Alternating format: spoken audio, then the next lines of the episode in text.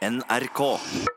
I dag fortsetter nå rettssaken i Stockholm mot den svenske medieprofilen Sissi Wallin, som er tiltalt for grov ærekrenkelse. Årsaken er at hun har skrevet på sosiale medier at hun ble voldtatt av tidligere programleder og journalist Fredrik Virtanen, og da til tross for at saken ble henlagt da hun politianmeldte den påståtte voldtekten tilbake i 2011. Wallin sier til NRK at det er tøft å stå tiltalt i saken, men at hun aldri har angret på at hun la ut disse innleggene. Nei, det har jeg jo ikke. Jeg, jeg har jo berettet min historie. Jeg har jo angret andre saker i mitt liv jeg har gjort og lagt opp. Og det går fort iblant i sosiale medier, men just den saken angrer jeg ikke. Nei. En rekke ganger har Sissi Wallin omtalt Fredrik Virtanen som en voldtektsmann på sosiale medier, også i 2019. Saken omtales i Sverige som storslått og et drama. Wallin tror folk følger med på saken fordi den berører et viktig tema. Jeg tror at mange følger denne rettergangen ikke framfor alt for at de syns jeg er en kjempespennende person, eller han skulle være en kjempespennende person, men for at man syns prinsipen er viktig. I ene vågskålen så er det utsatte og offers rett å berette, og i andre vågskålen så er det integritet og, og liksom heder for den som blir utpekt og berettet om. Og så skal, så skal man veie hvem har mest rett til å prate, og hvem, hvem skal man skydde. Hva syns så folk på gata i Stockholm? Er det greit å skrive på sosiale medier at man har blitt voldtatt av en navngitt mann, når saken ble henlagt og det ikke foreligger noen dom? Nei, det er det jeg ikke tykker egentlig. Men det må jo finnes noe kryphål. Alltså det måste finnas något sätt att förklara sitt missnöje som kvinna då. Men jag tycker inte det alltså. Det tycker jag är helt fel. Du kan inte säga och skriva någonting om någonting som inte är klargjort. Alltså det måste ju vara belägg för att det är sant. Ja, just at man ikke er dømt, så er det jo det Visst hvis man har ytrandefrihet, men, men at henge ut en person med navn innan man faktisk er dømt, det, blir det kjenner jeg er litt for uh, pusha det litt for langt. Men jeg kan vel forstå den frustrasjonen som antagelig finnes bakom når man ändå har anmeldt og forsøkt gjøre eh, gå rett vei og ikke får gehør for det, ikke kjenner at det blir avsluttet. Eh, så som kvinne mener du at det hun gjør på sett og vis kan forsvares? Ja. Absolutt. Fredrik Virtanens forsvarer Monique Vadsted sier til NRK vi har bestemt at vi skal ha et samfunn der man blir dømt av en domstol, ikke på sosiale medier. Hun mener også man må ha i minne at det er en hel familie med kone og barn som har blitt rammet av Valins påstander. Men Sisse Wallin vil kjempe til siste slutt for sin sannhet. Jeg har jo vært beredt til å ta denne fighten for ytringsfriheten fra begynnelsen, og nå må jeg gjøre det. Jeg får jo stå for det jeg har sagt på noe sett. Så. Men jeg, står, ikke at de har gjort det brottslig, men jeg får stå for at det prøves. Det var eh, reporter Knut Øyvind Hagen som har snakket med Sissi Wallin. Knut Øyvind, du er også i Stockholm nå i tingretten for å dekke denne rettssakens andre dag. og Dette blir andre og siste dag etter eh, åpningsdagen i retten som var på torsdag. Hva er det svenske medier skriver om denne saken nå? Aftonbladet skriver om Valien som en revolusjonsmamma. En eh, tobarnsmor som satser alt. Barna hennes er eh, ett og fire år gamle, og hun risikerer jo to års fengsel. SVT skriver om ærekrenkelse i rettssaker, og at det ikke trengs at påstander blir spredt til et stort publikum, men til det personlige nettverket. Men her kan man jo trygt si at det har blitt spredt til den allmenne mannen i gata. Og Alin har jo 100 000 følgere i sosiale medier. I rettssaken så langt, hva er det som har vekket mest oppsikt? Det må nok være hvor store emosjoner det var i rettssalen i dag én. Eh, Valin gråt da hun ble bedt om å gjenfortelle hva som skjedde i forkant da hun anmeldte ham for voldtekt. Eh, kroppen gjenopplevde det som skjedde. Og også Virtanen kom med noen klynk da han ble spurt om hvordan denne saken har påvirket livet hans. En funksjonsfrisk eh, familiemann som fikk og fortsatt har paranoia, har sosial angst, en mann som ingen vil ansette. Og så er det altså ikke bare han det har gått utover. Barna hans ble ikke lenger bedt på bursdager. Jeg tror det gjorde inntrykk på mange hvordan saken faktisk berører disse menneskene. Når man tar bort blitsen og skandalejaget, så er det faktisk ganske brutale skjebner. Og fortsatt så står det altså mye på spill.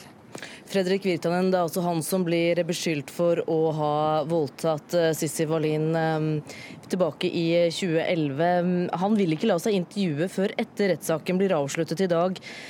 Men hva mer sier eh, Sissy Wallin som er tiltalt, enn det hun sa i saken som vi nettopp hørte? Hun fortalte meg at hun etter dag én var mentalt utslitt og nedbrutt. Men hun sier det er godt å kjenne på en følelse av at hun forteller sannheten.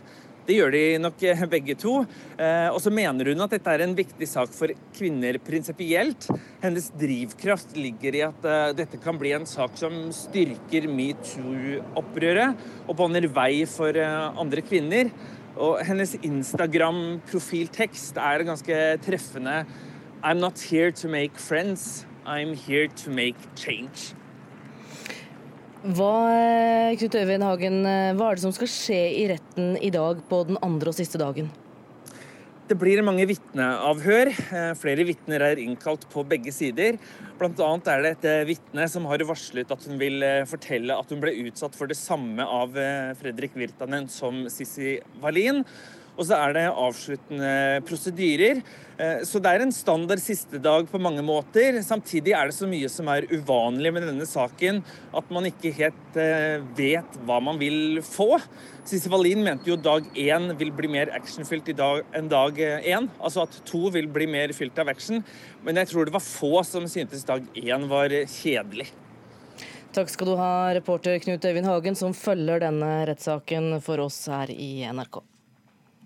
Det kan bli kutt i kulturtilbud til eh, skolebarna her i landet. Den kulturelle skolesekken eh, mangler minst 15 millioner eh, kroner for å opprettholde dagens tilbud. og Årsaken er økte utgifter de siste årene. Men nå mener flere fylkesledere i ordningen at for mye penger går til statlig byråkrati i Oslo skrekkblanda fryd på Sola skole når elevene har besøk av Den kulturelle skolesekken DKS. Det er helt fint. Det var litt skummelt og sånn. Men det kan bli mindre aktivitet framover. I 2018 fikk hver elev i grunnskolen i snitt 3,8 møter med kunst og kultur, mot 4,6 i 2014. Og nå mangler DKS-produsentene minst 15 millioner kroner for å opprettholde dagens tilbud. Det må jo bli eventuelle færre produksjoner, alternativt læringsverksted som vi gjør rundt på skolene. Sier fylkeskultursjef i Rogaland, Rune Tele. Fylkeskommunene og noen steder kommunene får penger fra de statlige tippemidlene. Rogaland fikk 180 000 kroner mindre i fjor. Og Sånn er det rundt omkring, og dette er egentlig en trist situasjon sier Håkon Skoge, daglig leder i turnéorganisasjonen i Hedmark. Han mener det er på høy tid å se på den statlige etaten på toppen av ordningen, Kulturtanken i Oslo. I 2018 var Kulturtankens nettobudsjett på 66 millioner kroner. Vi stiller spørsmål ved en utvikling i Kulturtanken som går i retning av å være et direktorat for barne- og ungdomskultur. Sier fylkeskultursjefen i Rogaland, som mener mer av pengene i stedet bør gå til kultur for barna. Direktør i Kulturtanken Linn Marie Holvik bekrefter at etaten har fått flere oppgaver som ikke har med Den kulturelle skolesekken å gjøre. Kulturministeren vil ikke kommentere saken nå, og viser til at det jobbes med en barne- og ungdomskulturmelding. Det var veldig gøy, og mye kjekkere enn bare vanlig skoledag. Reporter her det var Anette Johansen Espeland. Åtte år har det gått nå siden terrorangrepet mot regjeringskvartalet og Utøya. I Det Norske Teatrets forestilling 'Ein av oss' så stilles spørsmålet om hva det er med Norge som gjorde at denne handlingen var mulig. Ble den lille gutten Anders på fire år svikta av Norge? Jeg leser manifestet til Breivik. Her tegner han et idyllisert bilde av 50-tallet. Den hvite, kristne, heterofile mann er trua. Seksuallivene våre røper moralsk forfall. Drømmen er et kristent, kulturkonservativt og patriarkalsk samfunn, hvor kvinnene er hjemme med barna. Dette var altså Gjertrud Gynge, skuespiller Gjertrud Gynge fra forestillingen 'Ein av oss', skråstrek Einer von Ons, som hadde norgespremiere altså ved Det Norske Teatret nå i helgen. Forestillingen er, som du kan kanskje gjette ut av tittelen. Et samarbeid eh, med tysk teater, Statsteater Hannover, og hadde urpremiere der i mars i år. Karen Frøsland Nystøl, teaterkritiker her i NRK, god morgen. God morgen. Du har jo sett en del forestillinger etter hvert, vil jeg tro, som har utgangspunkt og på ulikt vis tar opp terroren i 2011. Mm. Hva utpeker seg ved denne forestillingen? Kanskje først og fremst at det er dette tysk-norske samarbeidet, der det er to norske skuespillere og to tyske skuespillere på scenen. Der det snakkes både norsk og tysk, og for så vidt òg engelsk. Det bringer inn et slags utenfrablikk som er, hvis det er et rett ord, da, forfriskende eh, i forhold til, til denne tematikken. Eh, men alle disse forestillingene som har vært opp igjennom, de berører jo spørsmålet hvordan kunne dette skje? Og det er jo et spørsmål det er vanskelig å finne svar på. Og De stiller det samme spørsmålet her, men da går de til litteraturen. De går til Åsne Seierstads bok eh, 'En av oss', som jo er, tittelen da er henta fra. De går til tekster av Karl Ove Knausgård, av Lena Lindgren og skuespilleren sjøl, eh, som på en måte spiller seg sjøl, eller er seg sjøl i denne forestillinga. De òg har sine personlige historier og sine tekster som de da framfører. Så det blir det blir jo personlig og privat når man gjør det på den måten her. Eh, og de kaller det for et tilnærmingsforsøk, en slags eh, samtalestarter. Og det, det er det nok òg, men det er ikke alltid at eh, framgangen er så stor i en forestilling som skal være av den typen her, da. Så ikke dramaturgisk spektakulært på scenenivå, med andre ord. Men altså for de som er opptatt av den slags, eh, det er altså teatersjef Erik Ulfby, Ulfsby som står for regien, og så er det kunstneren Lars Ramberg som har laget scenografien til forestillingen. Eh, hvordan ser dette ut? Hvordan tar det seg ut fra salen? Ja, det er, altså, Til dels er det en veldig sterk og god scenografi. Det er en kunstinstallasjon. Den består av 469 eh, trekasser. Én for hver av de som overlevde Utøya. For det er viktig å huske på, huske på de òg.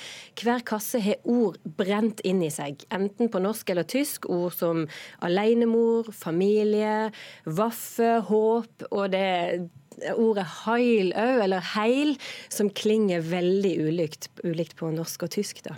Eh, disse kassene skal minne om Speakers Corner i Hyde Park i London, som jo er et sted for ytringsfrihet og, og demokrati. Et sted der hvem som helst kan ta med seg en kasse, stille seg opp og framføre sitt politiske budskap. Um, disse kassene er satt opp i en stor kube, en massiv, stor kube midt på scenen. Og så er det ei klokke på veggen som tikker, og når den når det tidspunktet det smalt utenfor regjeringskvartalet, så smeller det her og altså alle kassene rives løs, kastes rundt. Og i disse ruinene så starter forestillinga. Publikum sitter på kassene, vi hjelper til med å bygge installasjonen opp igjen. og Det, det er et veldig fint grep. Det er en god sceneinstallasjon. Samtidig så er det ei lystavle på veggen bak med, der, der kommer sånne spørsmål med rød skrift over sånn Is this really over now? og sånne ting som i en teatersetting er ganske forstyrrende. Det slåss mot det vi ser på scenen. Mens i en kunstinstallasjon så funker det fint. Liksom. Så Plusser og minuser i sum, hvordan skal vi lande på terningkassa? Ja, jeg, jeg syns de bare delvis lykkes med prosjektet sitt fordi de blir så privat. Altså Spørsmålet om hvordan dette kunne skje, eh, det rammer på samfunnsnivå, det rammer politisk, men det rammer òg den enkelte. Hvordan tar vi vare på hverandre, hvordan tar vi vare på de vi ikke liker? Og i en sånn samtale så er det vanskelig å komme videre fordi vi rammes personlig. Så en samtalestarter er det kanskje, men det er ikke så stor progresjon i den praten som foregår. Karen Frøsland Nystøl, progresjonen i denne samtalen er slutt. Takk for at du var med i Nyhetsmorgen.